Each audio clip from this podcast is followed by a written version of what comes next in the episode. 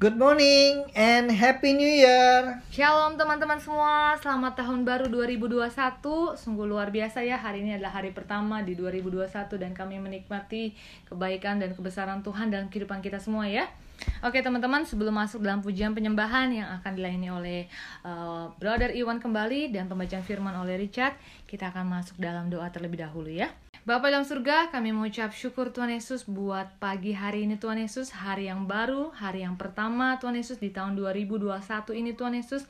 Kami melihat ke belakang di tahun 2020 dan kami mengucap syukur atas penyertaan pemeliharamu yang sempurna dalam kehidupan kami.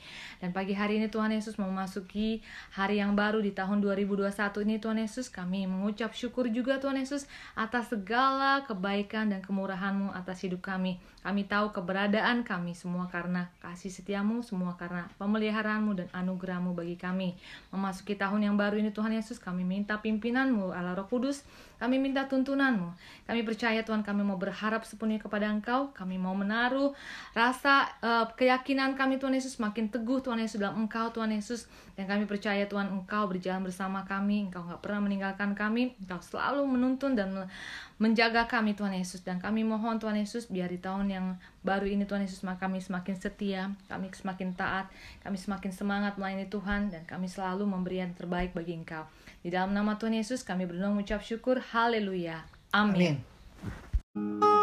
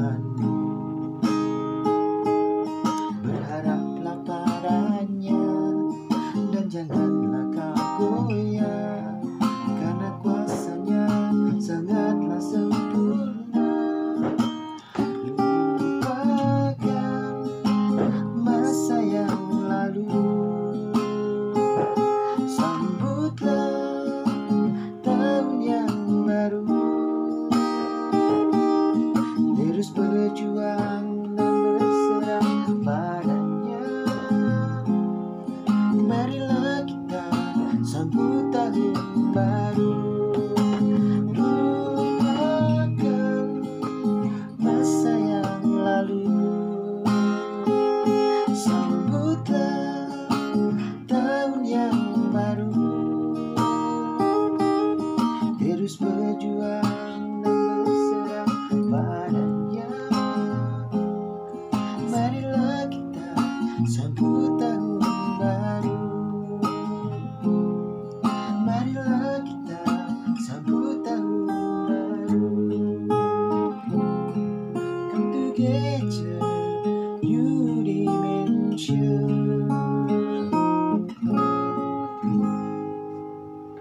Shalom rekan-rekan kekasih dan Kristus untuk pembacaan kita pada hari ini 1 Januari 2021 di tahun yang baru ini kita ambil dari Efesus 6 taat dan kasih.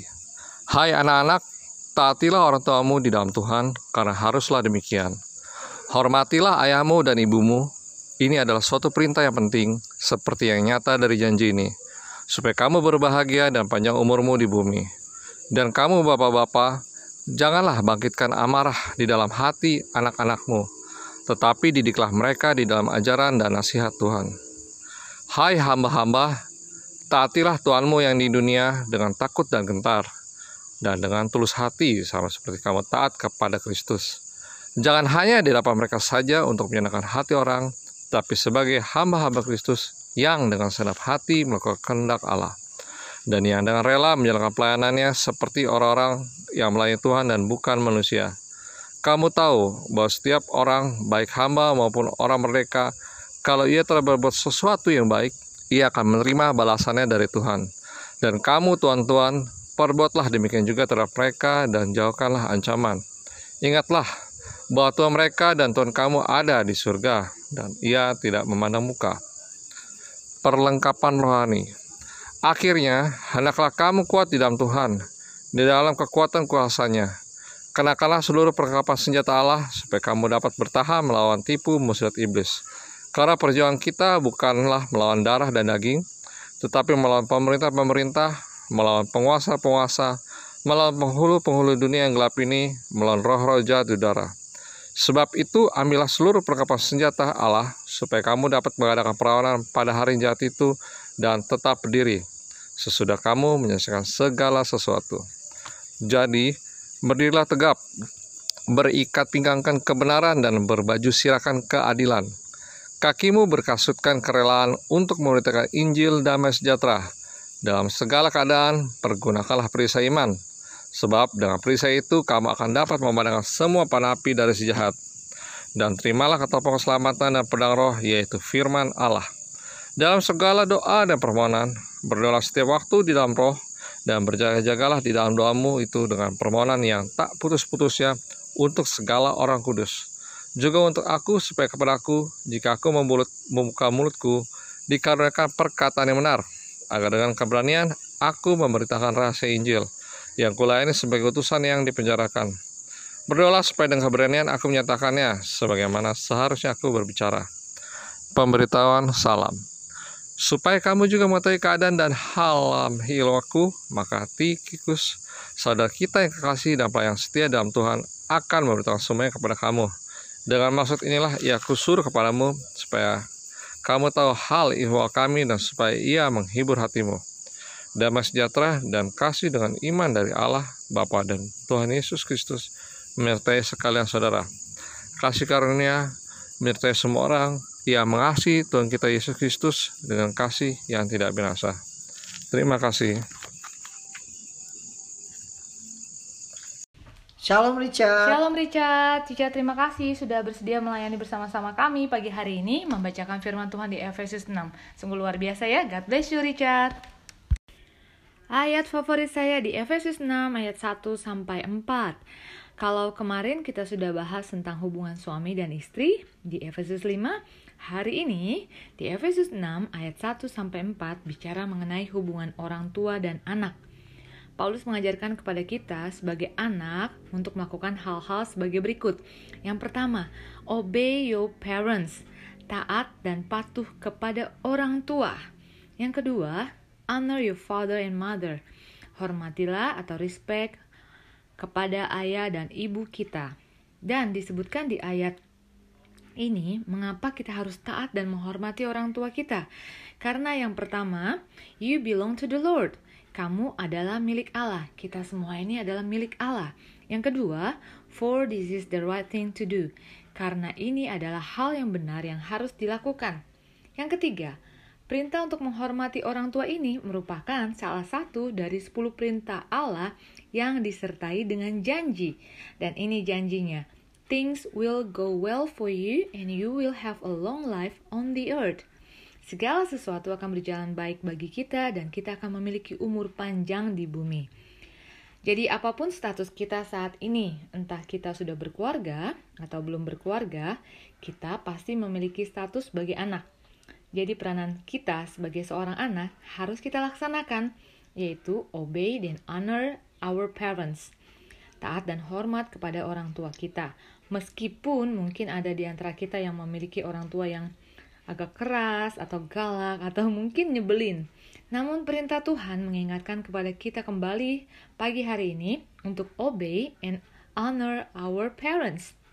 Dan kita perlu minta hikmat dan pengertian dari Tuhan dalam hal ini. Karena pasti akan ada pertanyaan, bagaimana jika orang tua kita memerintahkan kita untuk melakukan hal yang gak benar? Nah, tentunya sebagai anak-anak Tuhan, kita harus tahu batasan batasan apa yang harus kita lakukan dalam hal ini. Intinya, kita memang harus obey and honor our parents selama hal atau tindakan kita tidak bertentangan dengan firman Tuhan. Jadi yang harus kita perhatikan adalah kita harus melakukan kebenaran sesuai dengan firman Tuhan. Nah, kemudian peranan kita sebagai orang tua, apa yang harus kita lakukan kepada anak-anak kita? Yang pertama, do not provoke your children to anger by the way you treat them. Jangan memancing anak-anakmu dalam kemarahan dengan perlakuanmu terhadap mereka. Yang kedua, bring them up with discipline and instruction that comes from the Lord. Ajarkan mereka atau disiplinkan mereka dengan instruksi atau perintah-perintah yang datang dari Tuhan. Jadilah orang tua yang baik dan memberikan teladan yang benar kepada anak-anak kita. Kita harus bangun komunikasi yang akrab, menjalin hubungan yang menyenangkan dan penuh kasih dengan anak-anak kita, sehingga kita memiliki keluarga yang bahagia dan harmonis. Apabila kita melakukan peranan dan bagian kita masing-masing dengan benar dan tulus, pastinya kita akan memiliki hubungan yang luar biasa sebagai orang tua maupun sebagai anak. Sehingga janji Tuhan dalam perintahnya ini, obey and honor your our parents, akan tergenapi dalam hidup kita semua. We will live well and have a long life. Relationship sangat penting bagi Tuhan. Tuhan mau kita menjaga hubungan yang baik antara kita dengan dia. Bukan hanya sekedar menjalankan ritual keagamawian, tapi ia mau berfellowship dengan kita setiap waktu. Fellowship dengan sesama juga penting. Dan di Efesus pasal 6 dari ayat 1 sampai 9 kita diajar bagaimana kita menjaga hubungan yang baik dengan orang tua kita, bagaimana kita harus mengasihi dan mendidik anak-anak kita dalam kasih dan bagaimana kita juga harus menjaga relationship di marketplace terhadap atasan kita maupun juga bawahan kita. Tuhan mau kita melakukan segala sesuatu seperti untuk Tuhan. Always giving the best memperlakukan orang lain dengan baik dan dengan respect. Biarlah kasih Kristus memancar melalui kehidupan kita dalam sikap dan perkataan kita. Bagian yang kedua dari pasal ke-6 ini, kita diajar bahwa selama kita hidup di dunia, di dunia ini, kita berperang melawan penguasa-penguasa di udara yang akan selalu menjauhkan kita dari kasih Allah. Nah, agar kita menang, kita harus menggunakan strategi yang benar. Bangun manusia roh kita dan kenakan perangkapan senjata Allah yang satu, ikat pinggang kebenaran. Yang kedua, baju jirah keadilan. Yang ketiga, kaset kerelaan memberitakan Injil. Keempat, perisai iman. Lima, ketopong keselamatan, yaitu firman Tuhan. Setelah itu kita harus selalu berjaga-jaga dalam doa. Ingat urutan di atas bukan sebuah kebetulan. Menjadi pendoa, kita tidak bisa mengabaikan lima poin penting tersebut agar doa kita selalu penuh dengan kuasa. Dalam terjemahan Amplified, ikat pinggang kebenaran dan baju zirah keadilan adalah belt of truth and breastplate of integrity and of moral rectitude and right standing with God. Di tahun 2021, the year of integrity, segala kehidupan dan perkataan kita harus berintegritas dan berdiri di atas kebenaran Tuhan. Bukan hanya di gereja saja, tetapi dalam keluarga, dalam pekerjaan usaha kita, mari kita jaga agar selalu berada di atas kebenaran Kristus. Kerelaan memberitakan Injil. Doa kita akan berkuasa saat kita terlibat dalam pemberitaan Injil Kristus. Stop untuk cari alasan untuk tidak memberitakan Injil. Bedakan fungsi anggota tubuh Kristus yang berbeda-beda dengan amanat agung untuk memberitakan Injil Kristus. Sementara kita memiliki talenta yang berbeda-beda, Tugas amanat agung tetap harus dijalankan oleh setiap orang percaya. Jangan malu untuk memberitakan Injil. Lukas 9 ayat 26 mengatakan, Sebab barang siapa malu karena aku dan karena perkataanku, anak manusia juga akan malu karena orang itu apabila ia datang kelak. Perisai iman. Iman harus diaktifasi. Kapan waktu yang terbaik untuk mengaktifasi iman kita? Dalam pencobaan, dalam pergumulan.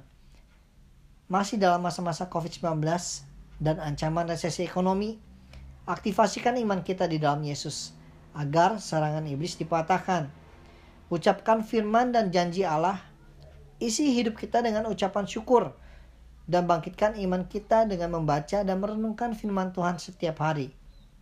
Karena setiap karena senjata perlengkapan yang terakhir yang harus kita kenakan adalah ketopang keselamatan, helmet of salvation, yaitu firman Tuhan, yang akan melindungi pikiran kita dari serangan musuh. Mari melangkah dengan penuh kepastian. Tahun 2021 akan menjadi tahun kemenangan, pembebasan bagi kita yang terus menaruh percaya dan harapan kita pada Tuhan Yesus. Tuhan Yesus memberkati kita semua dan keluarga kita. Amin. Oke teman-teman, sekian hari ini. Sampai ketemu besok. Sekali lagi, Happy, Happy New Year. Year. God bless God bless you. you.